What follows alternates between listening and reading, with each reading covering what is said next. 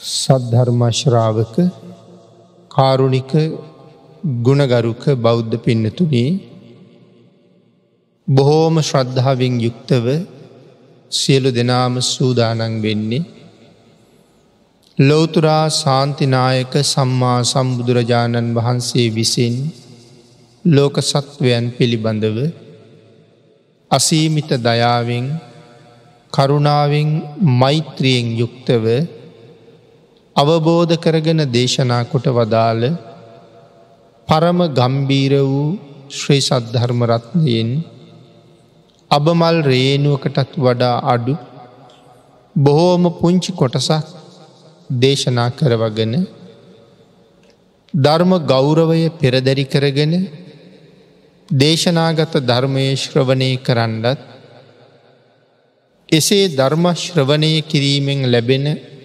අවවාද අනුශාසනා තම තමන්ගේ ජීවිතවලට එකතු කරගෙන මෙලව ජීවිතය සුවපත් කරගණ්ඩත් පරලොව ජීවිතය සුගතිගාමී කරගණ්ඩත් අවසානයේ ප්‍රාර්ථනා කරන බෝධියෙන් සැප සහිත ප්‍රතිපදාවෙන් උතුම් චතුරාරි සත්‍ය ධර්මය අවබෝධ කරගණ්ඩත් මේ මහා පින්කම හේතු වාසනාවේවා කියන පරමාර්ථය ඇතුවයි. පිනතන අද ධර්ම දේශනාවේදී අපි සාකච්ඡා කරන්න බලාපොරොත්තු වෙන්නේ මේ දිනවල සාකච්ඡා කරමින් හිටිය අචින්තය සූත්‍රයේ තවත් කොටසක්. මේ සූත්‍ර දේශනාව ඇසුරු කරගෙන ධර්ම දේශනා පහක් මේ වෙනකොට දේශනා කරන්න යෙදුණ. ඒ සූත්‍රයෙන්ම කෙරෙන හයවෙනි ධර්ම දේශනාවයි අද දේශනා කරන්න බලාපොරොත්තු වෙන්නේ. පහුගිය ධර්ම දේශනාව නිමා වෙනකොට අපේ බුදුරජාණන් වහන්සේ ලෝකෙ පහළ වනේ මොනවාගේ කාරණාවල් අරමුණු කරගෙනද කියල පැහැදිලි කරනකොට තවත් විශේෂ කරුණක් අපි පැහැදිලි කළා ලෝක සත්වයා සංසාර සාගරින් එතර කරවන්න නිර්මල පර්යාප්තිය දේශනා කරන්න මයි බුදුවරු ලෝකෙ පහළ වෙන්නේ කියන කාරණාව අපි සාකච්ඡා කරන්න යෙදුණ. අද ධර්ම දේශනාව අපි ආරම්භ කරමු බුදුරජාණන් වහන්සේ මේ සත්වයන්ගේ සියලු අරමුණු දැනගන්නවා කියන කාරණාව කොහොමද කියන කාරණාව විස්තර කරමි. පිනතනි සත්වයන්ගේ සියලු අරමුණු දැනගැනීමේ හැකියාවක් බුදුරජාණන් වහන්සේට තියෙනවා. ඒකත් බුදුගුණේ අනන්ත බවක්. සත්වයන්ගේ සියලු අරමුණු බුදුරජාණන් වහන්සේ දැනගන්නවා කියල කිය හම ඒ කාරණාව විස්තර කෙරෙන සූත්‍ර දෙකක්. අංගුත්තර නිකායේ මේ චතුක්ක නිපාතයම සඳහන් වෙනවා. එක සූත්‍රයක් තමයි කාලකාරාම සූත්‍රය. කාලකාරාම සූත්‍රයට අනුව බුදුරජාණන් වහන්සේ පැහැදිලි කරනවා මහනින සියලු දෙවිමිනිසුන් සහිත ලෝකයේ දෙට්ටං සුතං මුතං විඤ්ඥාතං පත්තං පරියේසිතං අනුවිචරිතං මනසා තමහං ජානාමි. පිනති සඳහන් කළේ මේ සියලුම සත්වයෝ සියලු සත්වයෝ කියල කිය හම මේ සක්වලේ විතරක් නෙමෙයි. අනන්ත සක්වල සීමාවක්. බුදුරජාණන් වහන්සේගේ ආග්ඥාශේෂත්‍රයන සක්වලවල් කෝටි ලක්ෂයයි. එක දැන් බනහල හොඳට දන්නවා. ඒ කෝටි ලක්ෂයක් සක්වලින් එහා පැත්ති තව නිමක් නැති සක්වලවල් තියෙන එතකොට මේ අනන්ත සක්වල කියල කියහම මේ නිමක් නැති සක්වලි සියලු සත්වයෝ ඒ කියල කියහම දෙවියන් බ්‍රහ්මයන් මරුන් මිනිසුන් ඒවගේම තිරිසං සත්තුන්ගෙන්දලා සියලුම සත්තු ගැනයි කිය. අන්න ඒ සියලුම සත්වයෝ ඇහෙන් දැකපුවා බුදුරජාණන් වහස දන්න. වර්තමානය මේ අනන්ත සක්වලේ කොච්චර සත්තු ප්‍රමාණයක් ඉන්නවද. අපි කියමු සාගරයේ පතුලෙම ඉන්න සතෙක්. මේ වෙලාවේ ඇහෙන් දකින්නේ මොනවද පහුගිය මොහොතේ එහෙන් දැක්කේ මොනවාගේ අරමුණක්ද කිය ඇහුවොත් අහපු ගමම්ම දේශනා කරන. මේ මහපොළොව යොදුන් දෙලක්ෂ හතලිස් දාහත් ගැඹුරුයි කියල තමයි ධර්මය සඳහන් කරන්න. ඒ තරම් පතුලේ යම් සතෙක් ඉන්නවනං ඒ සතා පහුගිය ෂණයේ දැක්කේ මොකක්ද කිය ලැහුවොත් ඒකත් භාගිතුන් වහස දේශනා කරන.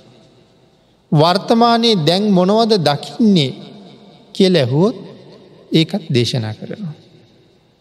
තව ටිකකින් මොනවද දකින්න කිය ලැහුවොත් ඒකත් දේශනා කරනවා. එහෙම හැකියාවක් භාගිතුන් වහසට හැර මේ ලෝකෙ වෙන කාටවත් නෑ. මේ බුදුගුණය අපිට තේරෙන්නෙම නෑ කියල කිවේ එකයි. එනම් මෙතන සඳහන් කරනවා ඇහෙන් දැකපුවා කනෙන් අහපුවා නහයෙන් දිවෙන් කයෙන් දැනගත්ත අරමුණු හිතින් හිතපු අරමුණු මේ සියල්ලම භාගිතුන් වහස දන්න. ඊළඟට ගියපු තැන් හොයපු දේවල් මනසින් හැසුරුණ විදිහ මේ සියල්ලක් බුදුරජාණන් වහස දන්න. ඒ කිවේ අනන්ත සක්වලේ අනන්ත ජීවීන් ගැන. මේ කාරණාව පිඩතුන අපිට කොහොමත් කොහොමත් වැටහෙන්නේ. ඒවගේම තේරෙන්නෙත් නෑ. අනන්ත සක්වලේ අනන්ත ජීවී. මෙයින් සක්වලවල් කෝටි ගානකට ඈත සාගරයක ඉන්න මාළුවෙක් ගැන අපිට බුදුරජාණන් වහන්සේගෙන් අහන් අහන්ඩ පුළුවන්කම තිබුණ ඒ සාගරයේ අහවල් තැන ඉන්න මේ මාළුවා ස්වාමීණි මීට මොහොතකට කලින් මොනවද හිතුවේ කෙ ලැහුවොත් අහපු ගමම්ම හිතපු දේ කියන.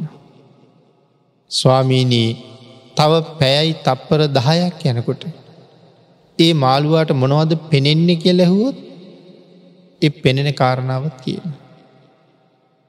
අපි සම්බන්ධයනුත් එහෙම්මම් තමයි. ඊළඟට පින්නතුන මේක තවත් පැහැදිලි වෙනවා ලෝක සූත්‍රයේ මේ ලෝක සූත්‍ර අට්ට කතාවේ මෙහෙම කියල තියෙනවා. අයං සත්තෝ ඉමස්මින් කනේ කනේ කියල කැන මේ මොහොතේ. අයං සත්තුූ මේ සත්වයා ඉමස්මින් කනේ මේෂණයෙහි ඉමං නාමරූපාරම්මනං දිස්වා. මේ සත්වයා මේ මොහොතේ කිසියම් නාමයක් කිසියම් රූපයක් දකිනවද. ඒ රූප අරමුණු දැකලා සුමනෝවා දුම්මනෝවා මජ්ජත්තෝවා සතුටු වෙනවද දුක් වෙනවද මධ්‍යස්ත වෙනවද අගේ හැම කාරණාවක්ම බුදුරජාණන් වහන්සේ දන්න. මේ මොහොතේ මේ සත්‍යයෙක් දකින රූපාරගුණ. එ දැකළ සතුටක් දැතිවෙන්නේ දුකක් දැතිවෙන්නේ මධ්‍යස්ථ බවක් දැතිවෙන්නේ කියන කාරණාවත් බුදුරජාණන් වහස දන්න. අනන්ත සක්වල දෙවියන් සහිත සියලුම සත්වයන් ඇහෙන් දකින වර්ණ එවගේම අරමුණු භාගිතුන් වහන්සේ ෂණයක් ෂණයක් පාසා දැනගන්නවා කියල සඳහන් කරනවා. අනන්ත සක්වල අනන්ත ජීවී. ෂණයක් ෂණයක් කියලකෙන අපි කියමු තත්පරයක් තත්පරයක් ගානි දකින දේවලු හිතන දේවලු බුදුරජාණන් වහන්සේට කියන්න පුළුවන්. ඒකයි මෙතන මේ සඳහන් කරන්නේ. මේ ෂනයෙහි මෙන්න මේ අරමුණ මේ සත්වයාට ඇති වුණ ආදී වශයෙන් එක සත්වයකු ගැන මුල ඉඳල අග්ගටම කියන්න පුළුවන්. සංසාරි කොයි කාලෙ පටන් ගණ්ඩ ඇත්ද. ඒ පටන්ගත්ත කාලීඉඳල කවදාහරි දවසක නිවන් දකිනකම්ම ඒ සත්වයාගේ අතීත අවබෝධයක් වර්තමාන හිතන දේත් අනාගතය ඔහුට හිතෙන්ට තියෙන දේවලුත් බුදුරජාණන් වහසිර කියන්න පුළුවන්. හිතෙන්ට තියෙන දේවල්. දැ අපිට තව පැයකින් හිතෙන්නේ මොනවද කියලා අපි දන්නේ. නමුත් බුදුරජාණන් වහසේ හරියටම දේශනා කරනවා තව පැයකින් මේ සත්වයා මෙන්න මේවාගේ අරමුණකට යන. මේවාගේ කාරණාවක් ගැන හිතනවා. තව පැයකින් මොහුට තරහ යනවා. හරියටම තව පැයකින් මොහුට රාගසිතක් කෙළබෙනවා. හරියටම තව පැයි විනාඩි දෙකකින් මොහුට මෝහසිතක් ඉපදෙනවා. එකන මට ඉදිරියේදී ඇතිවෙන්ඩ තියෙන සිතුවිලි ඇතිවෙන්ඩ කලින් කියන්න හැකියාවක් බුදුරජාණන් වහසට තියෙන. පින්නතුන මේක සත්‍යයකුට එක මොහොතකට ඇතිවෙන සිත් ගාන අපේ සිත කොච්චර වේගවත් කියනවද. තත්පරයකට සිත් කෝටි ගණක් උපදිනවා. අංගේ සිතක් සිතක් ගානි භාගිතුන් වහසිට කියන්න පුළුව. නමුත් අපට ඇතිවෙන සිත් අපිවත් දන්නේ. සිත් ගණනාවක් ගියාට පස්සේ දෙයක් තමයි අපිට සිහියෙන් වැටහෙන්න. නමුත් ඔය අතර රාගසිත් දේශසිත් මෝහ සිත් ඉපදුනා. අපිට තේරුණෙත් නෑ හුඟක් වෙලා ගිහිල්ල තේරු. පිනතින හිතන්නකෝ බනාහන ඔබ මේ සංසාරි කොයි කාලි පටන් ගණ්ඩ ඇද්ද කියල. සසර ගැන කියනකොට අනමතක්ග සංයුක්තයේදී අපේ බුදුරජාණන් වහන්සේමයි අපිට කියල දුන්නේ එක සත්වයෙක් එක අම්ම කෙනෙක් වෙනුවෙන් හලාපු කඳුළු අම්ම මැරුණහම මහාසාගරයේ ජලයට වඩා වැඩී කියලා. මහසාගරයේ ජලයට වඩා වැඩි කඳුළු සාගරයක් පුරුවන්ඩ කොයි කාලෙක ඉඳලා අඩනව ඇද්ද කියල හිතන්නකු. මං ඔයි නිතර නිතර මතක් කරපු කාරණාවක් තියෙනවා මේ ජීවිතයේ අම්ම මැරිච්ච වෙලාවේ. හිතල බලන්ඩකෝ අඩුකෝපයක් පිරිල්ල ඉතිරෙන්ට අඩන්ඩ පුළුවන් වුණාද කියන. අඩපු කඳුළු අඩුකෝප්පකට එකතු කලා නං අඩුකෝපය පිරිල්ල ඉතිරෙයිද. දවස් ගානක් අඩපු කඳුළුවත් කෝපයක් පිරෙන්නේ නෑ. එනම් මේ ජීවිතයේ අම්ම මැරුණ හම අඩුකෝපයක් පිරෙන්ඩවත් අඩන්ඩ බැරිවුණානං. ඒ අම්ම ළඟම සංසාරි කොච්චර ඉපදිලා අඩන්ඩ ඇද්ද මහ මුහුදි ජලයට වඩා වැඩී කියල දේශනා කළ.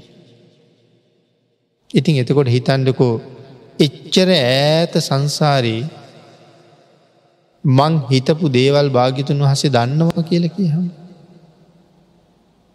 මං ඇහෙන් දැකපු දේවලුත් දන්නවා. මං කනෙන් අහපු දේවලුත් දන්නවා. මං කටින් කියපු දේවලුත් දන්නවා.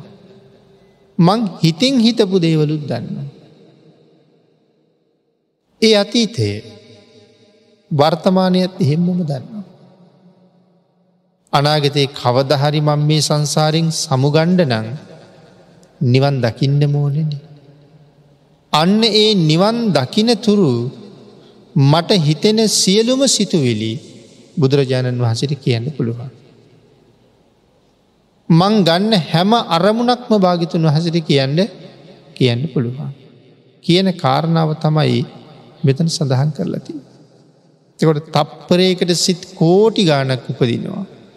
ඒ කෝටි ගානක් උපදින එක සිතක් සිතක් ගානි කියන්න පුළුවන් කියල කිය හම අපිට තේරෙනවද බුදුරජාණන් වහස ගැන. ඒ ඥානය ගැන අපිට වැටහි දෙතකට කවදාවත්. මෙ සූත්‍රයේ මුලින්ම සඳහන් කළා. අචින්තයයන නම හිතන් දෙපා කියලා. මේ ලෝකයේ හිතලා ඉවර කරන්න බැරි කාරණා කීපයක් ගැන මතක් කළේ.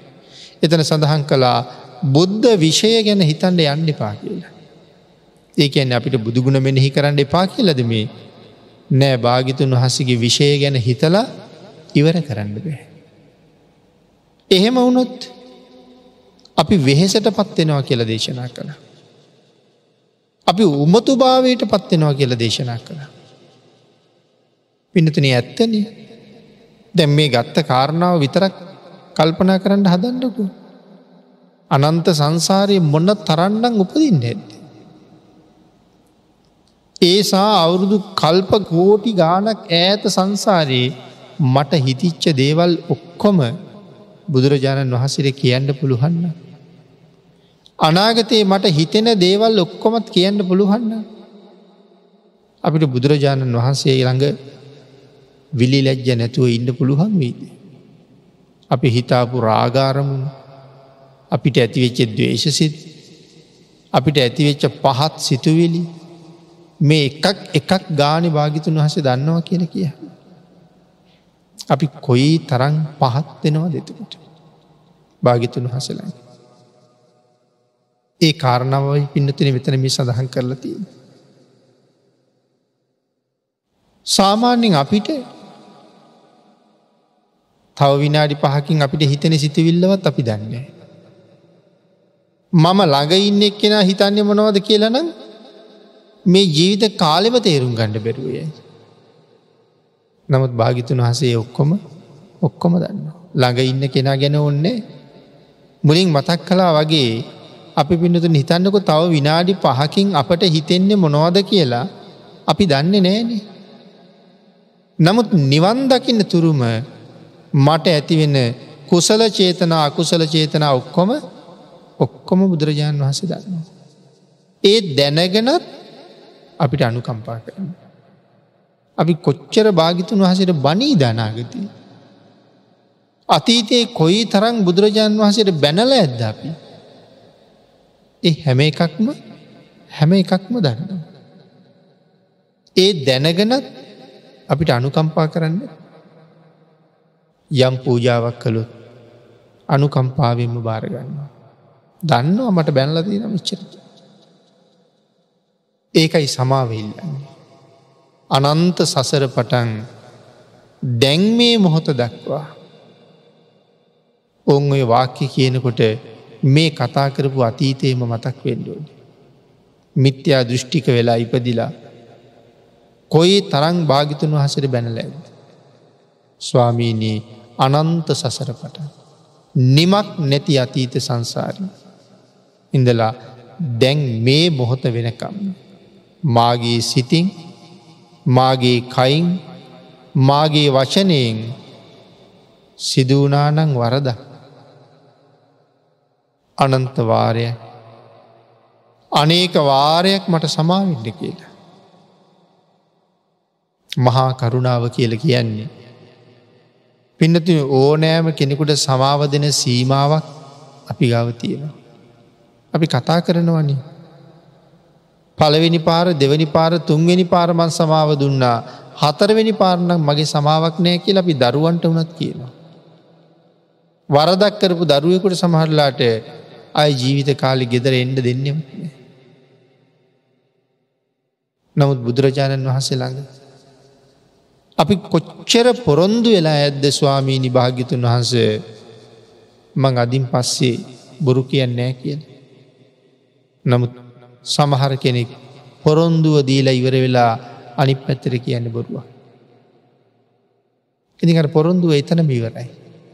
නමුත් ආයෙත් පාරක් ගිහිල්ල කියනවා මුසාවාදා කියලා. ඉතින් ඔය විදිහට මුසාවාදා වේරමණී කියලා මොන්න තරං භාගිතුන් වහසනක කියලා ඇද්ද.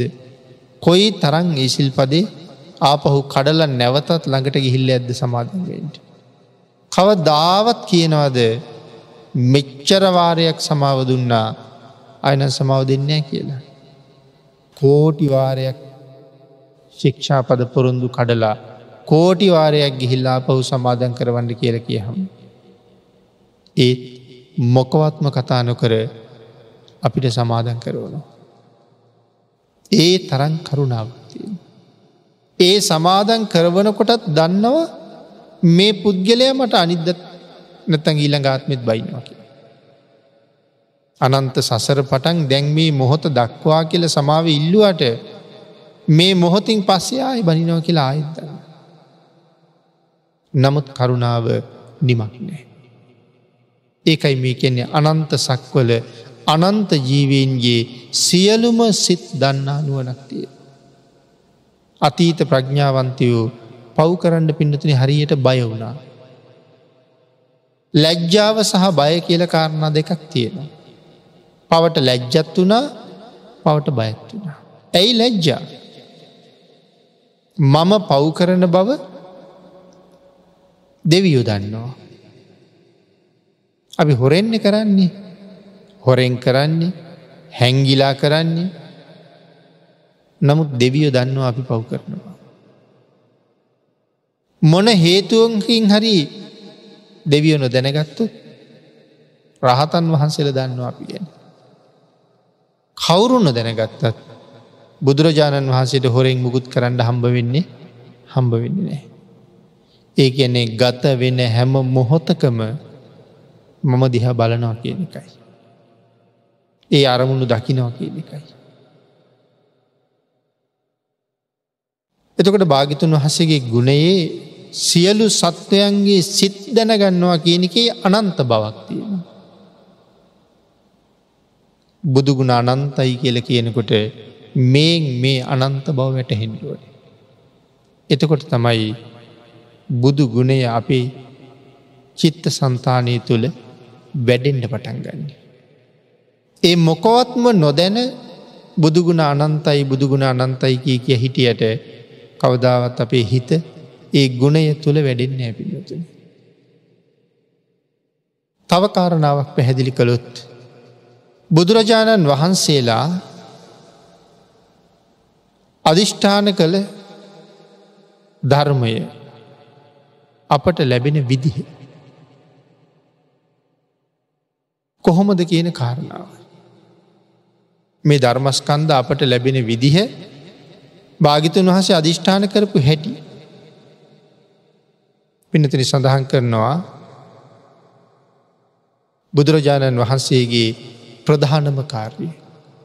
ධර්මස්කන්ද අපට ලැබෙන හැටි අධිෂ්ඨාන කරන එක. මේක ප්‍රධාන කාර්යන්ගේ එක. මොද භාගිතුන් වහසේ ධර්මය අවබෝධ කරගත්තා ලෝක සත්වයට දේශනා කළා. ඒ දේශනාව කරපු තැන ඔබත් මමත් හිටිය ඇති කියලා අපි දන්නේ අපි දන්නේ නෑ. නමුත් අපිට අද ධර්මය ලැබිල තියෙනවා. එක අපිට ලැබෙන හැටි. කොහොමද සඳහන් කරනවා ඒක ඉතාම ගැඹුරු කාරණාවක් කියලා. පැහැදිලි කරනවා බුදුරජාණන් වහන්සේ සරණයෑම සඳහා අත්‍යවශ්‍යම කාරණාවක් භාගිතුන් වහන්සේගේ ධර්මස්කන්ධාපට ලැබෙන හැට. බුද්ධං සරණං ගච්ඡාම. කියල කීවට පිනතන මේ වෙලාවේ අපිට ඒ සරණ ලැබෙනවද? බුද්ධං සරණං ගච්ඡාම. මම බුදුන් සරණ යමි. මේ ප්‍රකාශය ඉතාම ගැඹුරු ප්‍රකාශය. අපි නම් මේක ඒ තරන් හිතන්නේ නෑ නමුත් අපි කියනවා හරියටම සරණ යන කෙන මේ කාරණාව මනාව මෙනෙහි කරලම් කියලා. බුද්ධං සරණංගච්ඡාන. මේක එසේ මෙසේ වාක්‍යයක් නෙමේ කියල මං කීවනි. මේක දිවුරුම් ප්‍රකාශය. බුද්ධං සරණං ගච්ඡාමි කියන්නේ දිවුරුම් ප්‍රකාශය. කාටද දිවුරුම් ප්‍රකාශය දෙන්නේ අපි බුදුරජාණන් වහන්සට. දිවරනවා ස්වාමීනී මං භාගිතුන් වහස සරණයනවා කියලා. යමෙක් හරියටම සරණ ගියොත්. පිනතින පුදුමාකාර සැනසීමක්. අරහං කියල කියහම. ස්වාමීණි භාග්‍යතුන් වහන්සේ. දෑත දෝත එකතු කරගෙන යම් කෙනෙ. භාගිතුන් වහන්සේ ළඟ අප්‍රමාණ ශ්‍රද්ධාවෙන් වැඳ වැටුනා නං. අං ඒ පුද්ගලයට දිව්‍ය මානුෂික සැපසම්පත් උදා කරලා දෙන්නට තරම් බුදුරජාණන් වහන්සේ සතු සීල සමාධයාදී මහා ගුණයට හැකියාවක් තියෙනවා. පිළඟ නෙමේ ගුණ තියෙන්නේ. ශ්‍රද්ධාවෙන් වැඳ වැටුනොත් අපිට දෙව්මිනිස් සැප උදා කරලා දෙනවන. වැඳීම් මාත්‍රයේ ප්‍රමාණවත් කියල කියන. හිතන්නකු පින්නතන පව්කාර අපි බුදුරජාණන් වහන්සේ ළඟ ගිහිල ශ්‍රද්ධාවෙන් වැන්දහම අපි අපායෙන් උඩට ඔසවනවා කියන කරම කියන්නේ. ඉතාම ගැඹුරු කාරණාව. වැඳල විතර අයිතියන්නේ. අ ධම්මපද පාලියක තැනක සඳහන් කරනවා එක මහලු කාන්තාව. ඉතාම වයවුරුදයි. ඒ කාන්තාව මැරිලා නිරේට යන්නේ. නමුත් බුදුරජාණන් වහසේ දකිනවා. ඇය මැරිලා නිරේට යන්නේ කියලා. ඒ නිසා භාගිතුන් වහන්සේ අනුකම්පාවෙන් කල්පනා කරනවා ඇයට පිහිට වෙන්ඩෝන කියලා. ඒ නිසා බුදුරජාණන් වහන්සේ ඇය එන මාර්ගයේ පිණ්ඩ පාති වටිනවා. මහලු කාන්තාවත් හිඟමනේ යන්ඩ ගෙයින් එලියට බහිනවා. ඇය ඉස්සරහට එනවා භාගිතුන් වහසේ අනි පැත්තෙන් වඩිනවා මහලු කාන්තාව ළඟ බුදුරජාණන් වහසේ නතර වෙනවා. ඇත් පාරෙන් අයින් වෙලා නතර වෙනවා භාගිතුන් වහසෙත් මාර්ගයේ නතර වෙලා ඉන්නවා. මුගලන් මහරහතන් වහන්සේ බැලුවා ඇයි බුදුරජාණන් වහසේ වඩින් නැත්ති කියලා. උන්වහසේ දැක්ක මේ කාන්තාවට අනුකම්පාවෙන් මෙතන නතර උඩිය. ඒ නිසා මුගලන් මහරහතන් වහන්සේ අර කාන්තාවට කතා කරලා කියනවා මේ වැඩඉන්නේ තිලවගුරු සම්මා සම්බුදුරජාණන් වහන්සේ. ඔබට අනුකම්පා පිණිසයි වැඩල ඉන්නේ වන්දනා කරන්න කියලා. ඒ වෙලාවේ මහළු කාන්තාව බොහොම අමාරුවෙන් පාත්වෙලා බුදුරජාණන් වහසට වන්දනා කළා. වන්දනා කලාට පස්සේ භාගිතන් වහසේ වැඩිය. ටික වෙලාවකින් ඒ කාන්තාව මැරෙනවා කරදරයක් නිසා. මැරිච්ච ගමම්ම ඇය කොහෙද උපදින්නේ දිවියලෝක. ඇයි භාගිතුන් වහස දැක්කා ඇය මැරිලා යන්ඩ හිටියේ නිරේට. නමුත් බුදුරජාණන් වහන්සේට වන්දනා කරපු මාත්‍රයෙන් නිරයෙන් එසෙව්ව කියන එකයි කියන්න. එමන පිඩතුන අපට එහෙම නැද්ද.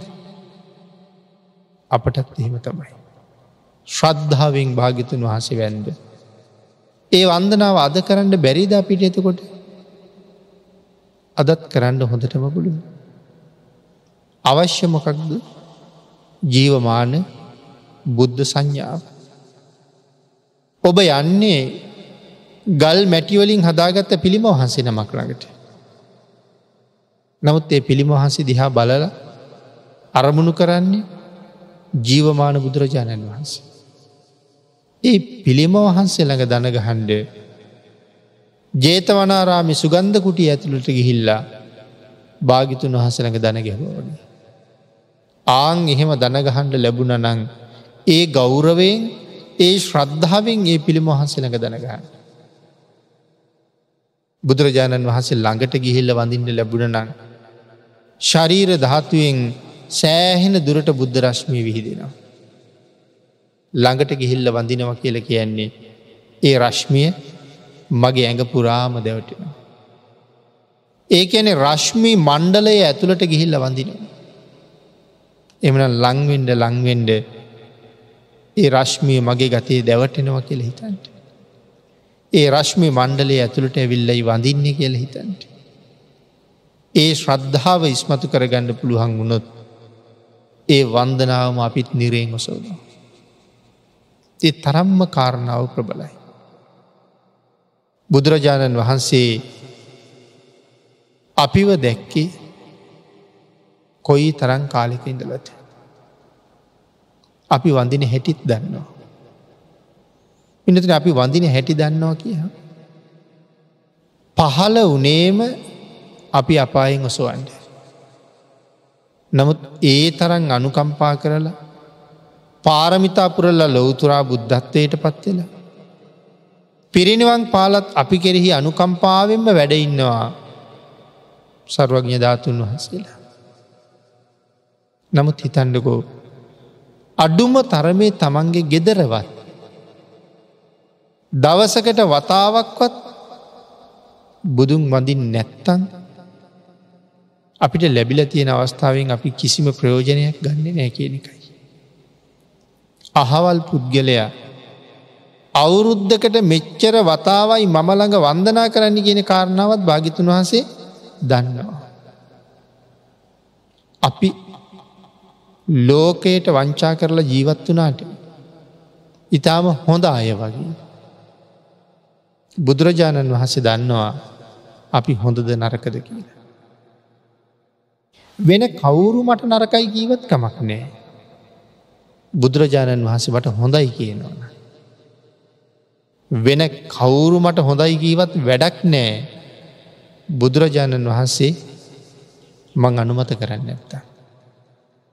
නිසා භාගිතුන් වහන්සේට හොඳ විදිහට ජීවත්තෙන්ට පුළුවන්න ඒක තමයි ජීවිතයක ලබන ලොකුම ජයග්‍රහණය. වෙනතන මේ ත්‍රිපිටක ධර්මය තුන් කාලෙටම ගැලපෙන. භාගිතුන් වහසගේ ධර්මය අතීත වර්තමාන අනාගත. තුන් කාලිටම ගැලපෙන. ඒ බව ධර්මරත්නය වදිනකොටත් අපි නිතර නිතර කිය. අකාලිකයි කියලා. අහවල් කාලෙට ධර්මරත්නයෙන් ප්‍රයෝජනයක් නෑ කියල දෙයක් නම් නෑ අකාලිකයි. ආං ඒ නිසා තුන්කල් දක්නා නුවනින් භාගිතුන් වහන්සේ මේ කාරණාව දේශනා කරලා අපිට පැහැදිලි කරලා තියෙනවා සර්වඥතා ඥානය කොයි තරන්ද. සියලු සත්වයන්ගේ සිත් දැනගන්නවා කියන එක සර්වඥතා ඥානී දූවිලි මාත්‍රයකටත් වඩා අඩු ප්‍රමාණයක්. ඒනගේ ලබාගත්ත මුළු ඥානයම ලෝක සත්වයාගේ නිවන උදෙසා මෙහේවන්ඩ අවශ්‍යනය. ආං එහෙම හිතනකොට බුදුරජාණන් වහන්සේ කොයි තරං මහා ගුණ කදම්බයක්. පිඩතන මේවා තමයි බුදුගුණ භාවනාව වඩනකොට අරමුණු කරන්නුවන. මේ ඔස්සේ තමයි හිත මෙහෙය වණ්ඩුවනේ. එතකොට තමයි ශ්‍රද්ධාව වැඩිවෙන්ඩ පටන්ගන්න. බුදුගුණ භාවනාවෙන් කෙරෙන්නෙම සත්වයාගේ ශ්‍රද්ධාව වැඩි දියුණු කරනෙ.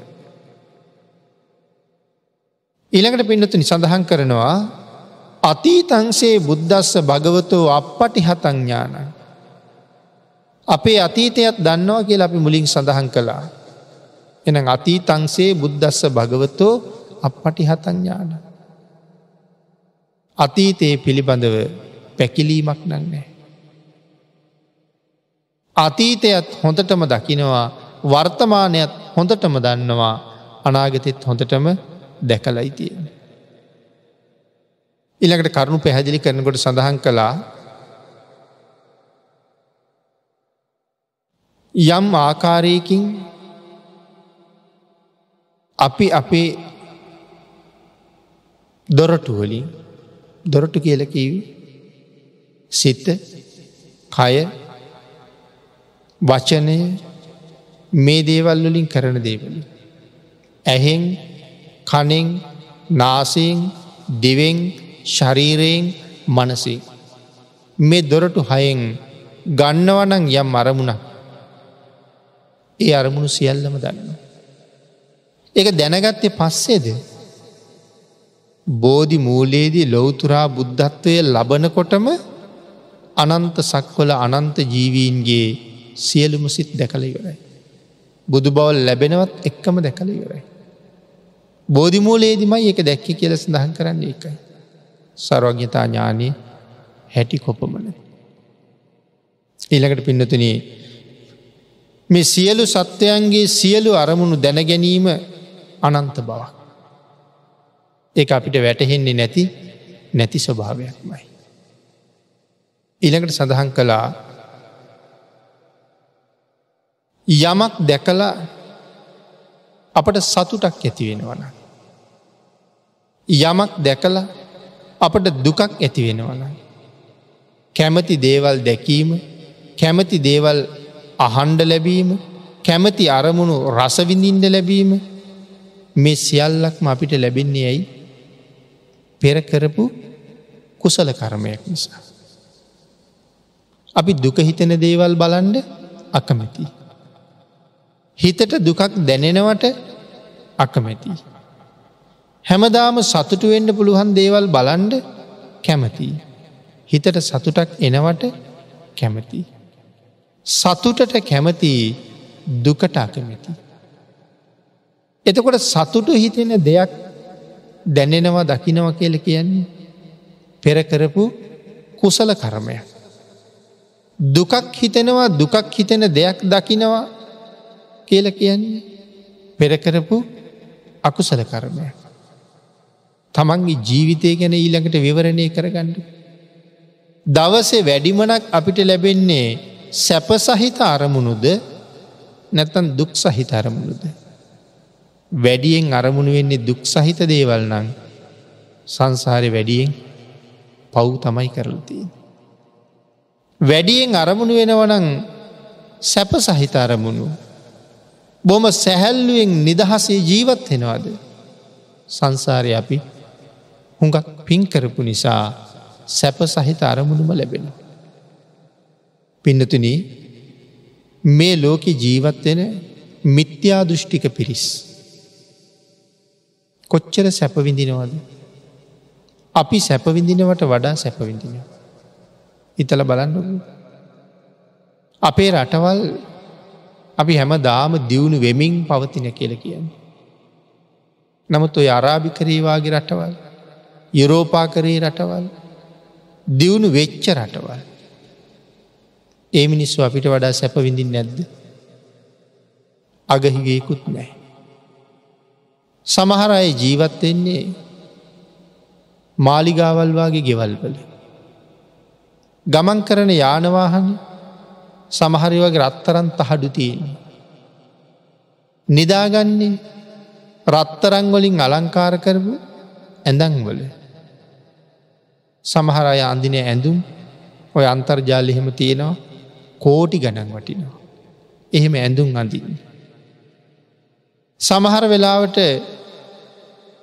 වැසිකිලි කැසිකිලි කරන්න පාවිච්චි කරන උපකරන එව්වත් සමහරය නිමා කරලා තිනෙ රත්තරනීම. එහෙම සැපවිඳින මිනිස්සු ගැන අපි මේ ලෝක අහල තියෙනවා. ධර්මය සඳහන් කරනවා සිල්වත් වෙන්ඩ වෙන්ඩ දනවත් වෙනවා කියලා. එතකොට අපිට හිතෙනවා ඒ මිනිස්සු සිල් රැකලද එච්චර දනවත් වෙලා තියෙන කියලා. පිනති ඒ මිනිස්සු ඇත්තටම දනවත් වනේ කොහොමද. ඒ මිනිස්සු දනවත් වනේ බුද්ධ ශාසනය නිසාම තමයි. පෙර ජීවිතවල බුද්ධ ශාසනවල ඉපදිලා බුදුරජාණන් වහන්සේගේ අනුශාසනාවට සවන්දීල ඒ ධර්මරත්නයට කීකරු වෙලා හොඳට දන්දීලතිී. හොඳට සිල්ර කළති. නමුත් අද ඒ පෙර කරපුවාගේ ප්‍රතිඵල බොහොම සැපසේම බුක්ති විඳිනවා. හැබැයි ඒ ප්‍රතිඵලය බුක්ති විඳින්නේ බුදුරජාණන් වහන්සේට කීකරු තැනක ඉඳගෙනද භාගිතුන් වහසේටම සමහර විට බැන බැන මේ සසුන වනසන්ඩ කටයුතු කර කර තමයි සැපවිඳෙන්නේ. ඇයි ඒගොල්ලො එහෙම තැනක ඉපදුනේ. පින්කං කරලා ප්‍රාර්ථනා කරල නෑ. අපිත් එහෙම නොකොළොත් සංසාරය ඔයදේ අපිටත් වෙනවා. එන මොනවද ප්‍රාර්ථනා කරන්න ඕන පින්කං කරලා සෙල් ගුණ රැකල ප්‍රාර්ථනා කළ යුතුයි සම්මාධිට්ටික වන්නේෙන්වා කියලා. නිවන් දක්නා ජාති දක්වා සම්මාධිට්ටික වන්නෙම්වා. එහෙම හොඳ ප්‍රාර්ථනාවක් තිබුණ හම මිත්‍යා දෘෂ්ටික කුලයක උපදින්නේ නෑ. නමුත් ඔබ ප්‍රාර්ථනා කරලා නැත් දෙහෙම. සංසාරි බුදුවරු මුණ ගැහිල. බුදුරජාණන් වහන්සේලට කීකරු වෙලා එහෙම ප්‍රාර්ථනා කරන්න ඇති. ඒක තමයි සම්මාධිට්ටික වෙලා ඉපතුළ. එතකොට දුප්පත් ඒකටත් වෙනම කාරණාවක් තියෙන. හොඳ දෙයක් ගණ්ඩ හුඟක් වියදන් කරන්න ඕන. ලාභ දෙයක් ගණ්ඩ ලොකු වියදමක් අවශ්‍යනය. එහෙම දෙයක් මෙතන තියෙන්. සංසාරය කරගත්ත හුඟාක් පින් වියදන් කළා. මොකටද ඔබට ඔය හම්බෙච්ච ජීවිතය ගන්ට.